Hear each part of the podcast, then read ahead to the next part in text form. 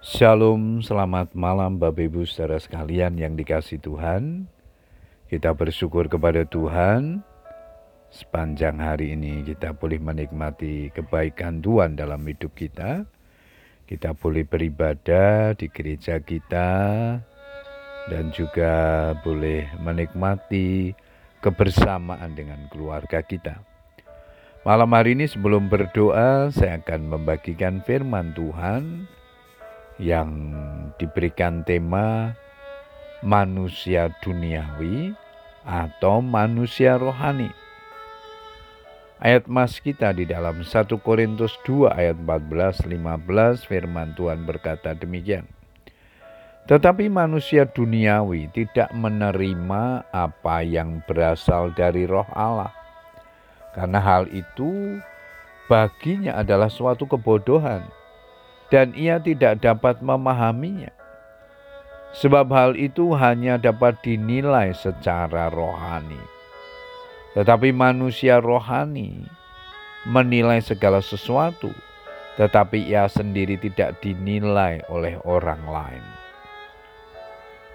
Segala sesuatu yang ada di dalam dunia ini dikategorikan berdasarkan keberadaannya Contohnya, suatu barang dikategorikan sebagai barang yang berharga mahal apabila barang tersebut terbuat dari bahan yang berkualitas, dibuat dengan tingkat kesulitan yang tinggi, dan memiliki manfaat yang besar atau bernilai guna.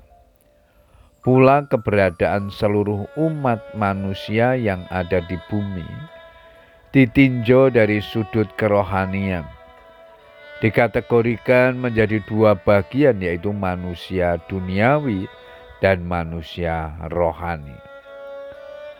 Manusia duniawi adalah orang yang belum mengalami kelahiran baru di dalam Kristus, yang hidupnya masih diperbudak oleh kedagingan dan hawa nafsunya karena berada di bawah kuasa dari si jahat. Itulah sebabnya mereka disebut orang dunia, karena hidup mengikuti pola dunia sepenuhnya, sehingga mereka menolak hal-hal yang berasal dari roh.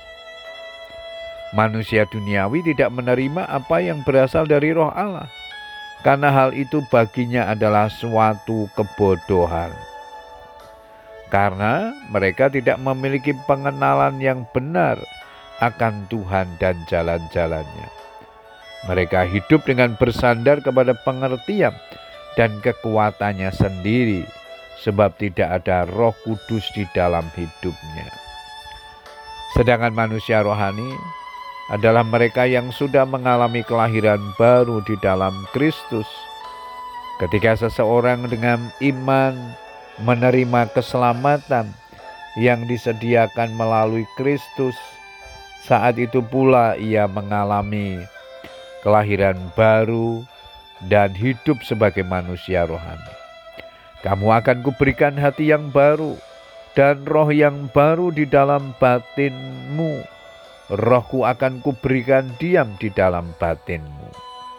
Yeskiel 36, 26, 27 sebagai manusia rohani, ia akan senantiasa berpikiran rohani dan memandang segala sesuatu dari sudut pandang rohani, karena mau tunduk kepada pimpinan dari Roh Kudus. Jadi, langkah awal bagi setiap orang untuk dapat masuk ke dalam dimensi baru sebagai manusia rohani adalah percaya kepada Kristus sebagai Tuhan dan juru selamat hidupnya. Sebagai orang percaya, kita masuk kategori manusia rohani. Sudah seharusnya kita menunjukkan kualitas hidup yang rohani, bukan duniawi. Puji Tuhan, Bapak Ibu saudara sekalian, dialah kebenaran firman Tuhan ini menolong kita untuk terus berjuang, berusaha memiliki kehidupan rohani yang berkenan di hadapan Tuhan. Selamat berdoa dengan keluarga kita. Tuhan Yesus memberkati. Amin.